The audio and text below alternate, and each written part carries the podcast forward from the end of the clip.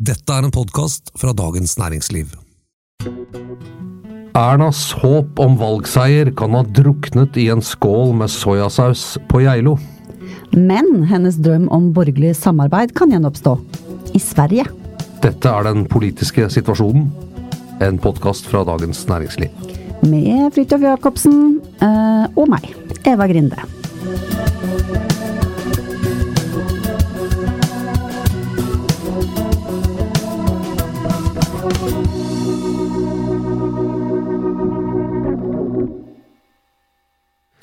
Ja, Fridtjof. Det går liksom litt trått for eh, statsministeren om dagen. Tror du at det kan henge sammen med et eh, visst party på Geilo, eller? Ja og nei. Ja. For å si. For å være på den sikre siden. Ja.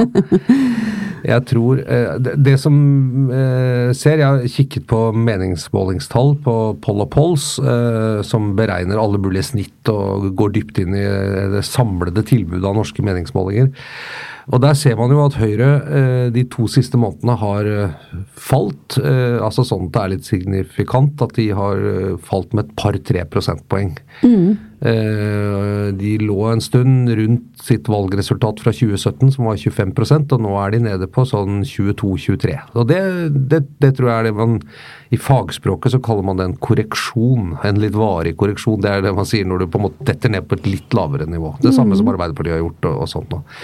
Eh, og det har jo skjedd i stor grad etter Geilo. Men jeg er ikke sikker på om det er fordi at folk er så sinna på henne fordi hun spiste sushi sammen med for mange. Jeg tror det kan ha en annen grunn, egentlig. Ja, og den har du lyst til å fortelle om. Jeg ser på deg. Hva Nei, da? jeg vet ikke om Men, men det slår jo meg at eh, at Erna Solberg har vært ganske usynlig eh, i det siste. Eh, det siste jeg liksom husker av en sånn offentlig opptreden fra henne nå som var mange så på, var jo da hun fikk kritikk av den koronakommisjonen, som heller ikke var noen veldig sånn eh, stor dag for henne som politisk eller statsminister og leder. Og bortsett fra det så har hun jo naturlig nok kanskje, etter å ha brutt disse reglene og fått denne boten, måttet holde litt lav profil på det som har vært den største og viktigste saken hennes det siste ja, drøye året, nemlig korona. Hun fikk seg liksom en på snuten der litt, og kanskje gått litt og Ja, ok, jeg ligger litt grann eh, lavt nå, men jeg, jeg må bare skyte inn at det rareste med hele Geilo-gate er jo egentlig hvor lite forbanna folk ble. Er det ikke det?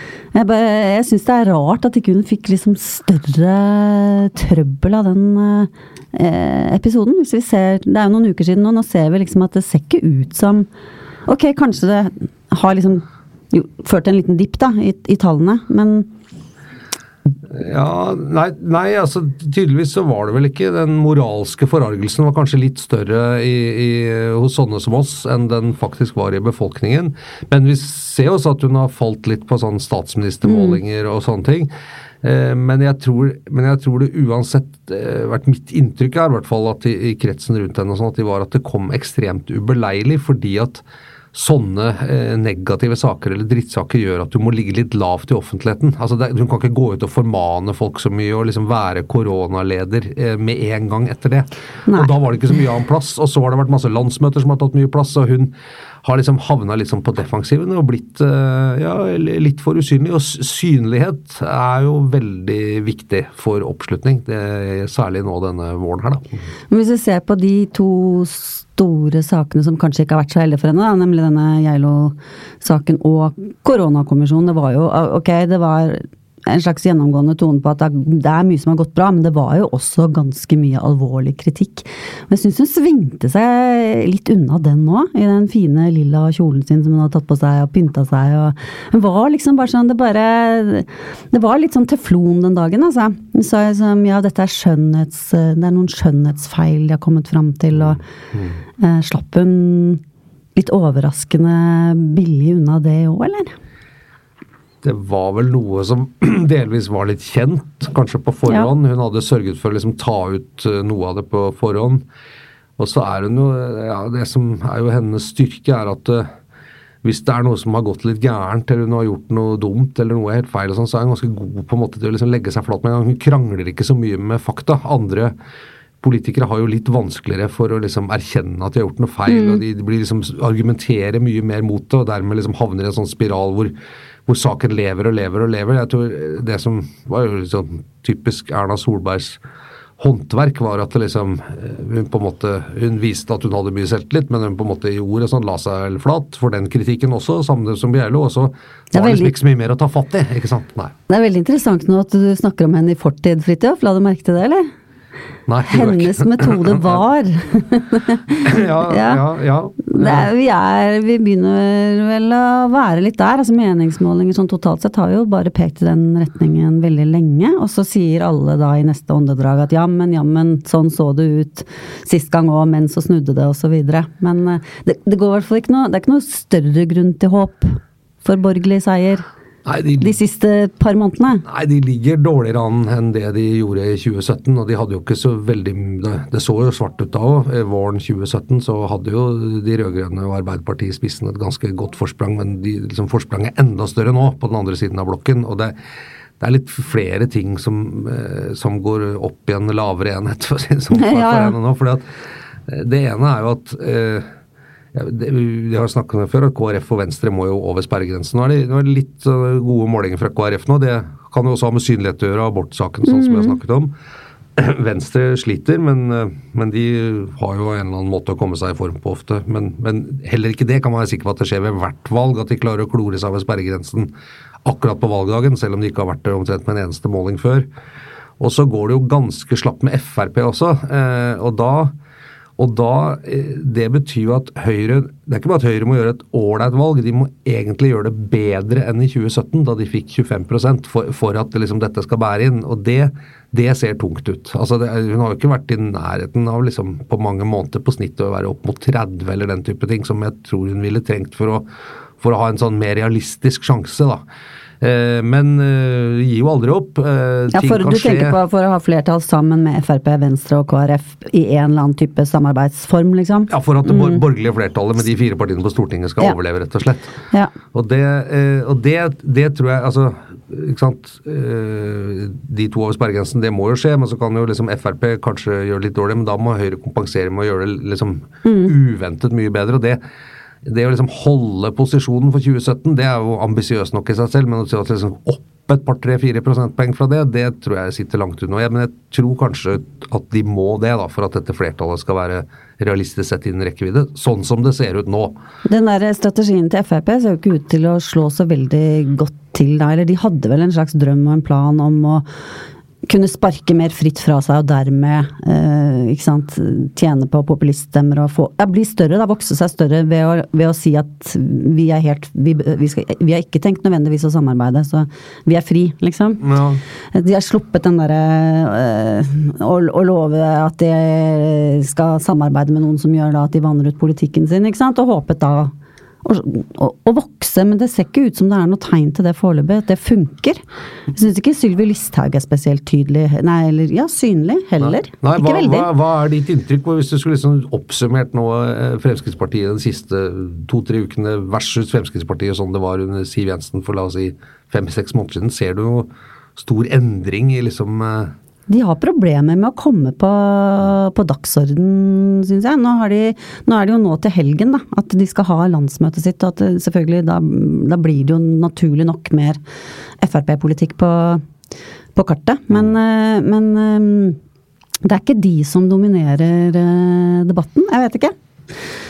Nei, jeg syns også det. Så er det ikke helt sikkert at på en måte eh, de etablerte på en måte eh, store mediene er der hvor det er viktigst heller. Så det er ganske høy aktivitet på sosiale medier inn mot Frp-velgergrupper, den typen saker. Det er, det er ganske mye Nettavisen, ikke sant. Altså sånne steder som eh, så, så de velger nok også litt sånn kanaler. Men, men jeg er spent på det landsmøtet, og ikke spent, spent på den talen til Sylvi Listhaug som hun skal holde. De jo ble hennes første tale som eh, partileder, eh, ikke sant. Eh, og det Ja, hun skal velges, da. Sånn liten formalitet. ja, men, det blir jo en partiledertale. det blir hun. Ja, ja. Og, den, og, og hvilken retning det er der, og liksom hvor går angrep osv. Jeg, jeg så jo i, i dag Mm. Hva tipper du? Nei, nei jeg tror sånn, det blir konfronterende. Ja. Ja, Også, mot vis-à-vis. Senterpartiet spesielt, vil jeg tro. Eh, for det er jo hovedkonkurrenten. Det er der de slåss om velgerne. Ja, ja og, Og nå i dag så så jeg at eh, Frp har gjort en, nok en sånn tverrvending og nå sagt at de er mot dette ACER, det, det, sant, EUs energi- og sånn strømbyrå. Eh, som de jo var med å, å slutte seg til, med, med, til og med med olje- og energiministeren. ikke sant? Eh, som de jo hadde helt til de gikk ut av, av regjeringen i, i, januar i fjor. Men det var sikkert med en vond smak i munnen den gangen. altså Det er vel litt mer sånn nærmere appellen til folkedypet å gå imot?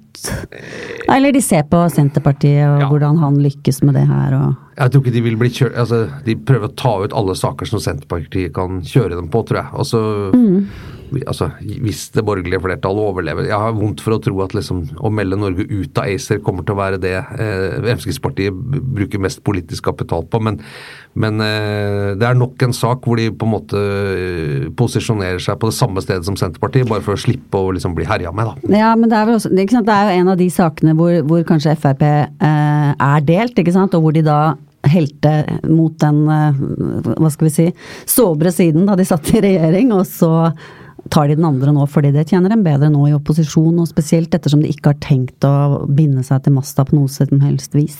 Ja, det er, det er jo Fremskrittspartiets storhetstid var jo et veldig godt taktisk parti.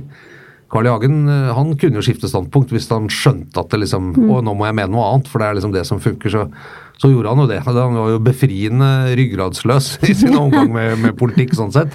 Og det må jo et populistparti egentlig være. Hvis du, hvis du skal kjøre på, du er nødt til å kunne lese liksom litt hvor stemningen ligger hos de du skal nå. Et populistparti med respekt for seg selv. Ja, ja, må man, kunne droppe ryggrad, ass. Ja, må, være, må basere seg på brukerinnsikt, som vi er opptatt av her i DN. Ja, ikke sant. Nå, nå, lurte jeg bare plutselig på, er det noen som liksom eh, kaller seg selv for populister? Eh, eller er det, er det liksom en fornærmelse uansett. Man, det, vel, det, blir jo tatt ille opp som regel. Selv om, eh, selv om de åpenbart er populister. Ja, det, de kaller seg folkelige da, i hvert fall. Ja. Det, er jo, det, er jo, sånn, det er jo omtrent det samme ordet. Men populismen blir ofte brukt som en sånn Da er det, da det er å eh, snu kappa altfor mye etter vinden og ja. Ja, ja, nei, jeg, jeg, jeg syns det er litt sånn alle partier i en sånn moderne offentlighet som vi har, og inn i et valgår, vil jo selvfølgelig ha ganske sånn populistiske trekk ved at de, eh, ved at de spisser budskapene sine, prøver å engasjere. Eh, prøver liksom få opp litt og, og, og snakker på en måte til brede grupper. Og, ja, ja. På en måte som Selvsagt. de kjenner seg igjen i. Det er, det er ikke så negativt, tror jeg. Eh, men det er klart at Sånn at Frp, som var de første som, som sa politikken er til for deg, istedenfor at, liksom, at folk er til for oss, de var jo liksom veldig på det. Eh, den, den måten å snakke og kommunisere og få ut politikk på, sette opp liksom motsetninger på sånt, nå har jo nå blitt mye mer i gjengs da, hos alle de andre partiene. Så det har de jo lært av Frp, egentlig. Mm. Men når liksom, klimapolitisk talsmann Espen Barth Eide i Arbeiderpartiet kaller Vedum for en dieselpopulist, så er det ikke, så er det ikke, det er ikke en kompliment fra hans side. det er er det ikke, og det blir ikke tatt som det heller. Det, blir, det er et sånt ord som blir brukt for å desavuere og ja. Ja, jeg, du er useriøs, rett og slett. Det er litt sånn du er useriøs. Ja, eller at du, du snakker folk etter munnen, ja. ikke sant. Det, Raymond Johansen har jo snakket om det når han, når han har i Arbeiderpartiet, som har snakket om det med Senterpartiet, er at dere lover mer enn det som er realistisk å holde, og da holder dere på en måte folk litt for narr. For at dere liksom bare eh, Han sa politikk er ikke bare å høre på folk og snakke dem etter munnen, det er faktisk å fortelle dem hva som er mulig, og hva som må prioriteres osv. Uh, og det, Der ligger jo et lite sånn skille, men, men, det er klart det er jo vondt å se at de som er råest, ikke sant? Det, de får jo mange stemmer. da. Ja. Det, og det, akkurat i den fasen vi er nå, så, så, tror jeg eh, stemmetallet og oppslutningen og piler som peker riktig vei på meningsmålene, trumfer det fleste av på en måte litt høyverdige prinsipper man måtte ha for politikkens vesen. Da. Ja, sånn går det. og Det blir vel veldig sånn spissa akkurat den tendensen der frem mot valg, nesten uansett. Ja, la oss se på den eh, altså, og Der må vi vel understreke, som vi gjorde i, i forrige program, da når vi snakket om ny abortlov, og sånn, at uh, dette sier ikke for å ta stilling, men la, la oss si at når Arbeiderpartiet gjør et vedtak om at Nord-Norgebanen skal bygges, og så tror jeg man egentlig kanskje vet at det er vanskelig for dem å leve opp til det, med mindre de i hvert fall hvis de skal oppføre seg sånn Arbeiderpartiet pleier å gjøre når det skal prioriteres opp mot andre ting, da kan man jo si at liksom det har kommet inn et snev av populisme. At man, at man Så du er nesten veldig forsiktig her, altså. Det ja, men, ligner ikke deg, Fridtjof. Nei, men altså, det, det er, hvis den koster 130 milliarder, så er det jo rom for å bygge det. Samferdselsbudsjettet de siste årene har jo økt noe så helt vanvittig. Ja, Men de har ikke tenkt å bygge den, liksom. Det er det man har en sterk følelse av. Ikke, Det kommer ikke til å skje. Nei, Hadde Nei. litt sånn snakke folk etter munnen, Ja. kanskje. ja. Og det er noen forbeholdene i baki der et sted, vet du, som, eh, som de hvisker litt om. Baki Mm. der, ja, så ja, Interessant. Men, men eh, vi, FrPs landsmøte nå til helgen, altså, det er, jo, det er jo et av de mer spennende landsmøtene. for det er, Der er det litt sånn usikkert hva er det vi får. Hva kommer vi til å si om borgerlig samarbeid? Hva kommer vi til å si om hovedfinnen? Hvilke saker kommer til å løftes opp? Uh, dette her blir, det blir interessant. Og hvem er det hun kommer til å angripe mest? Så det har jo vært kommet til å kjøre på dette med IS-kvinnen som ble hentet hjem til Norge, og regjeringen kommer til å kjøre mot eh, Senterpartiet osv. Det får vi se på. Men uh, Ja, hvordan skal, de, hvilke, hvordan skal de lage seg, hvordan skal de presentere seg som en sånn ja, eh, som et sterkt opposisjonsparti, liksom? Hva er eh, overskriftene? Det blir spennende. ass. avstand fra Høyre og dagens regjering, spesielt Venstre og KrF kanskje.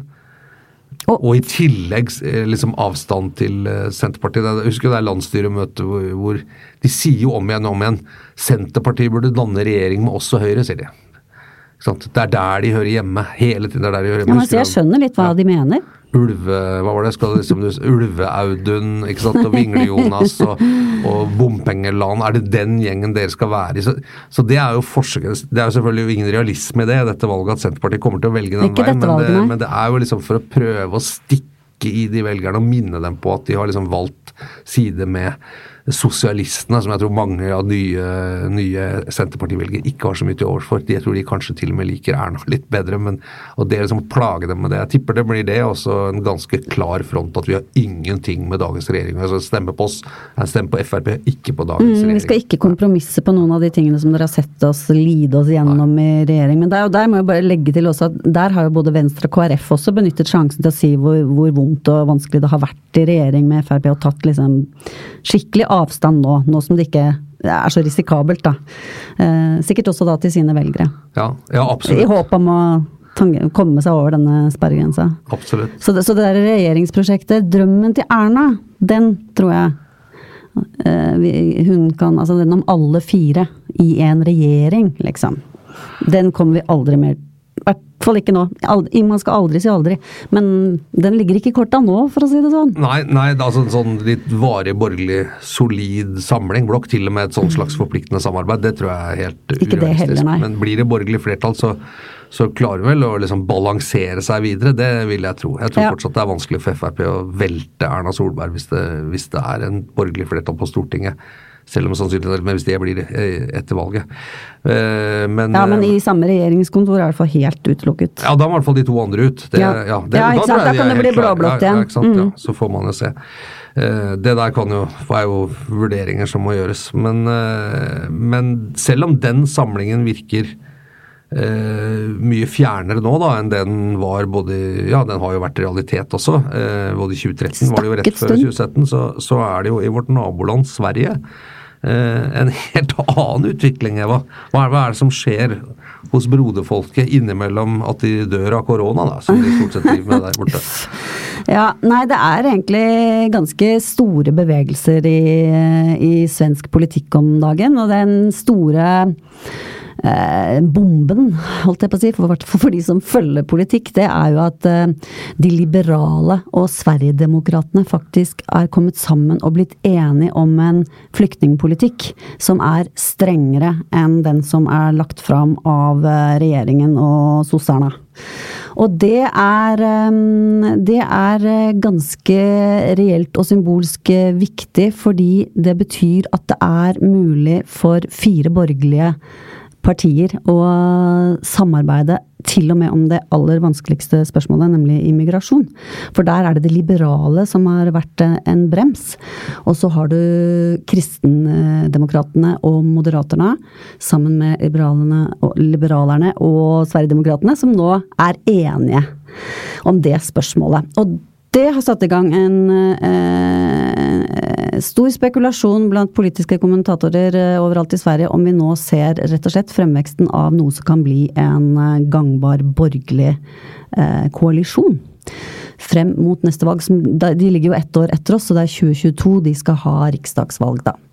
Så og da- disse fire partiene i dag har, eh, har flertall i, De i Riksdagen, har de ikke det? Eller? Nei, de har minus én. Altså det er 175 versus 174. Så de har 174. Men da har jo de liberale vært støtteparti til eh, sosialdemokratene. Mm. og Löfven. Sånn at det er jo der en, eh, det har skjedd en viktig bevegelse, da, for nå orienterer jo de seg da mot uh, et, en, en, slags borgerlig koalisjon. Men, men, de svenske, så vidt jeg kan skjønne av de som har greie på svensk politikk i Sverige, så, de, så følger de på en måte litt sånn forundret med på hva dette egentlig er. For de lurer på liksom om eh, om Moderaterna f.eks. kan se for seg et sånt type samarbeid. Jeg hørte bare, det var bare en kommentar som var at Moderaterna generelt ser ned på alle andre partier. Og eh, Sverigedemokraterna er kanskje ikke det som kommer best ut av liksom, deres arroganse, for å si det sånn. Men, men, det de sier da, når de blir spurt nå, det er at eh, det vi gjør, det er at når vi er enes om politikk, så går vi inn for samme politikk. Så det, liksom, eh, Moderaterna f.eks. prøver prøver å se på det som en sånn pragmatisk om ja, vi var enige om flyktningpolitikken, og derfor så går vi sammen om et forslag om det, selvfølgelig. Det betyr ikke noe mer eller mindre enn det. Mm. Uh, og så har du de liberale og Sverigedemokraterna uh, slåss på en måte om hvem det er en seier for. Uh, for de liberale sier at de syns det er så stas at Sverigedemokraterna nå støtter deres liberale, eller mer liberale, flyktningpolitikk, mens Sverigedemokraterna innrømmer for så vidt at dette er ikke deres første valg, for de vil jo stoppe all all innvandring. Uh, og i dette forslaget så ligger det fortsatt at man skal få lov til å søke asyl etter internasjonal rett og den type ting, og det er jo Sverigedemokraterna egentlig ikke interessert i. Men de sier at man skal være glad for det lille, ikke sant. Så de har fått noe. Og um, det, ut fra liksom hvordan jeg ser de blir intervjuet og sånn, så er det en viss sånn oppfatning om at de er villige til å til å kompromisse ganske mye for å komme inn i varmen nå, for der har vi jo en historikk. Ja, dette har jo vært en, en politisk paria, og, og, kanskje enda mer opphet enn det Frp var i mange år, og trivdes ganske godt med å være det, altså det partiet som var sånn uh, untouchable, uh, både for borgerlig side og hovedfienden for de andre, men, men ble større og større uh, under Carl I. Hagens ledelse. ikke sant? Mm tålte å få noen egg i trynet så lenge målingene gikk oppover, eh, og det passa egentlig bra. Men, de gjorde dem mer og mer populære? Men de var jo helt ikke til å samarbeide med, og, og, og disse sårene etter at uh, Hagen felte Willochs regjering i 1986, det var jo også personlig. ikke sant? De mente at han hadde, at han hadde uh, bedratt dem, rett og slett, politisk. Lovet noe og så gjort noe annet. Eh, mens, mens, mens Sverigedemokraterna altså, som, altså Det blir jo ikke noe borgerlig flertall uten at de er med? Nei, det gjør jo ikke det, ikke sant. De, de, de fikk jo 17,6% av, av stemmene i 2018. Eh, og det gir dem 62 representanter i Riksdagen. Det er, det er ganske mange mennesker, det. Eh, og en stor andel av den uh, borgerlige koalisjonen, eventuelle, om det nå blir det, koalisjonen. Eh, enkelte målinger har jo eh, vist Uh, enkeltmålinger har vist at de er det største partiet i Sverige. Mm. Så, så de, er, de, er, ikke i ferd med å bli noen mindre kraft heller. Så det er jo det. Men da de kom inn i 2010 i Riksdagen, så, så ble det jo Altså, de, de, andre partiene ville jo ikke snakke med dem, rett og slett. Altså, det var vel en, en sånn ekstremt kald skulder som man uh, uh, Ja, som man ikke hadde sett helt maken til. Ja, da de, Du sa de kom inn i, i Riksdagen, og så var det en voldsomt kald skulder. Mm. Ja, eh, i, i, 2010. Eh, mens vi nå, da, tolv år seinere, da, eh, så, så, Hvis jeg forstår det riktig, så mener du at, at Sverigedemokraterna er i ferd med å bli et parti som nå ikke bare søker oppslutning, men også kan tenke seg å gå konstellasjoner rett og slett for å få regjeringsmakt, eller makt og innflytelse. Ja. ja, veldig mye tyder på at det er det de ønsker nå. sånn at det vi ser er jo på en måte et Sverigedemokraterna som går eh, i motsatt vei av vårt Fremskrittsparti. da. Mm. Fremskrittspartiet liksom løper ut av regjering etter å ha måttet uh, kompromisse og vanne ut sin egen uh, merkevare. Mens Sverigedemokraterna ser ut til å være villige til å gå ganske langt i sitt nøkkelspørsmål, som jo er Eh, eller den, den, saken de virkelig har vokst fram på. Da. Mm. og man, man har jo snakket om at, at motstanden mot Sverigedemokraterna har vært enda større enn mot eh, Fremskrittspartiet i Norge, fordi de kommer ut Altså de, deres opphav er mer ekstremt. Altså det ble etablert av, av nynazister og, og, ekstremister på høyresiden. Sånn at det har en um, eh? Det var, det var lettere å, eller det var vanskeligere å akseptere dem som en politisk kraft. Det kan man, eh, det kan man eh, forstå. Og samtidig så eh, er det en grunn kanskje til at Sverige har fått mer, den mer polariserte situasjonen enn vi har i Norge. Blant annet pga. den eh, veldig liberale innvandrings- og asylpolitikken som de har ført. Eh, sånn at og eh, også, eh, hvert fall det har jeg lest en analyse av, at i perioden 2010, da de kom inn, til 2014, så ble det lagt et veldig lokk på, på, på, den debatten i Sverige. Som, som, eh, som antagelig har, har, bidratt veldig til, til Sverigedemokraternes vekst. Ikke sant? For hvis man hvis, hvis du på på ene siden så, så, kommer det masse folk inn i landet og skaper på grunnplan en del ikke sant? Brudul, det er vanskeligheter, det er ikke lett å integrere, det er mange ting som følger med. Og så er det ulovlig å snakke om det, eh, på en måte, i det offentlige rom. Eh, da har du en oppskrift på en, eh, på, på en vekst for et parti som Sverigedemokraterna. Ja, det, og, det er, det er vel, og det er vel en viss sånn by-land-avstand til faktisk reelle problemer. Den, den TV-serien som sikkert mange har sett, den uh, Tunna blå linjen fra ja. politistasjonen i, i Malmö der. Eh, som jo er en ganske sånn brutal skildring av en, av en veldig krevende virkelighet. da, eh, med, med, eh, som, som, vel Jeg husker jeg leste oss en bok om det. eller Det var Kjetil Raknes som har skrevet en bok om høyrepopulismens hemmeligheter. eller noe sånt, men hvordan Sverigedemokraterna på en måte ikke ikke liksom kun var tuftet på at folk faktisk var rasister eller fremmedfiendtlige, men at de, eh, de, lyttet til folk og, og, hørte på deres bekymringer og satte ord på det. Litt avhengig av det vi snakket om i stad. Det er jo på en måte en slags positiv populisme, det å gå ut i selve samfunnet og si hva er det du er bekymret for? Hva, er det, og Så formulerer man det, og da, da får man altså oppslutning. fordi Med den oppslutningen de har, som er så stor, så kan man jo ikke si at det på en måte det, det finnes jo ikke 17 eh, høyreekstreme i Sverige. Det, nei, nei, det, gjør det er ikke snauskaller alle de, liksom. Så, men en annen ting som de hadde gått ut og sagt, da, var at de var litt bekymret for at uh, de andre partiene på høyresiden skulle gå for langt mot høyre. Sa Sverigedemokraterna. Ikke? Og da, eh, da snakker de om en annen side av sin politikk som virker å være på fremmarsj, og det er nemlig liksom å hegne om velferdsstaten, ta vare på eh, svenske gamle mennesker. Litt den samme som vi har hørt fra Fremskrittspartiet og Sylvi Listhaug. fordi heller ikke i Sverige så er, jo, eh, så er, det jo tilstrømning som er et stort Når det gjelder asylpolitikken, da, så, er det, så, er det, jo litt pause i, i, i, det spørsmålet. Fordi det rett og slett er, ikke er så mye som skjer. Eh, så det kan henge litt sammen med det òg. Men, eh, men, men de, de profilerer seg altså veldig på på det å opprettholde velferdsstaten, ta vare på folk eh, og ja. Redd for, eh, redd for høyresiden som skal kutte som skal, som skal skjære ned på velferdsgoder ja, og sånn. Ja. ja. Så det er, det er, det der, det er den derre fine Det er ja, sånn som vi snakket om før i poden. Populisme på, av beste merke. Ja, det, Eh, svenskene får jo på en måte ordne seg selv, men sånn generelt så vil jeg si at eh, jeg, jeg, jeg tror det er et sunnhetstegn for demokratiet at hvis du har et parti som er såpass stort, eh, som jo Frp var i Norge lenge, og, og, i og for seg fortsatt er et betydelig parti, og Sverigedemokraterna. Det å liksom ha mekanismer som gjør at de holdes utenfor, så lenge de liksom er parlamentariske og inne, holdes på en måte sånn kunstig utenfor makt og innflytelse når de har et såpass stort velgergrunnlag, det, det tror jeg ikke er så bra for demokratiet. Jeg tror liksom tilliten til at demokratiet er er liksom knyttet til befolkningen, det som skjer i folket, den, den er litt avhengig av at uh, hvis du først er innenfor der, så må du kunne operere og ha de rettighetene som, uh, og, og, pliktene og ansvaret da, som, som partiene har, når du, når du faktisk da søker å organisere deg innenfor det der demokratiske valgsystemet. Men nå, nå, nå er de i ferd med å få til å integrere Sverigedemokraterna på et vis, da, ser det ut til. Mm. Så det,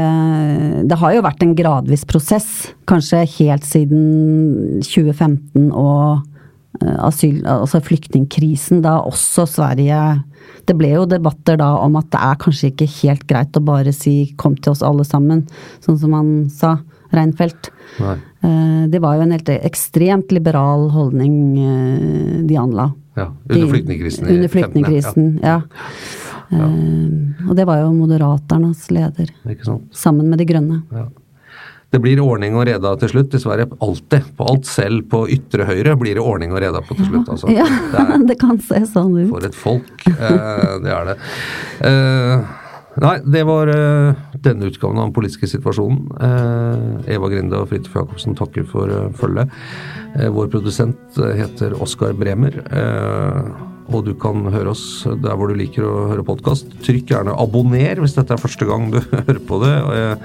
Og spre ordet, da. Det blir mye spennende politikk å snakke om utover. Det gjør det. Vi høres. Ha det.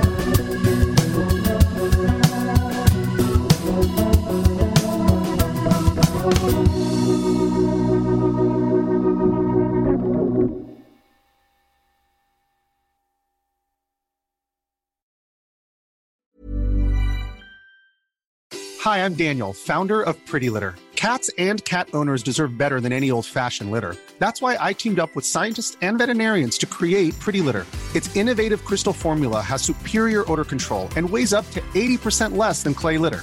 Pretty Litter even monitors health by changing colors to help detect early signs of potential illness. It's the world's smartest kitty litter. Go to prettylitter.com and use code ACAST for 20% off your first order and a free cat toy. Terms and conditions apply. See site for details. Du har nå hørt en podkast fra Dagens Næringsliv.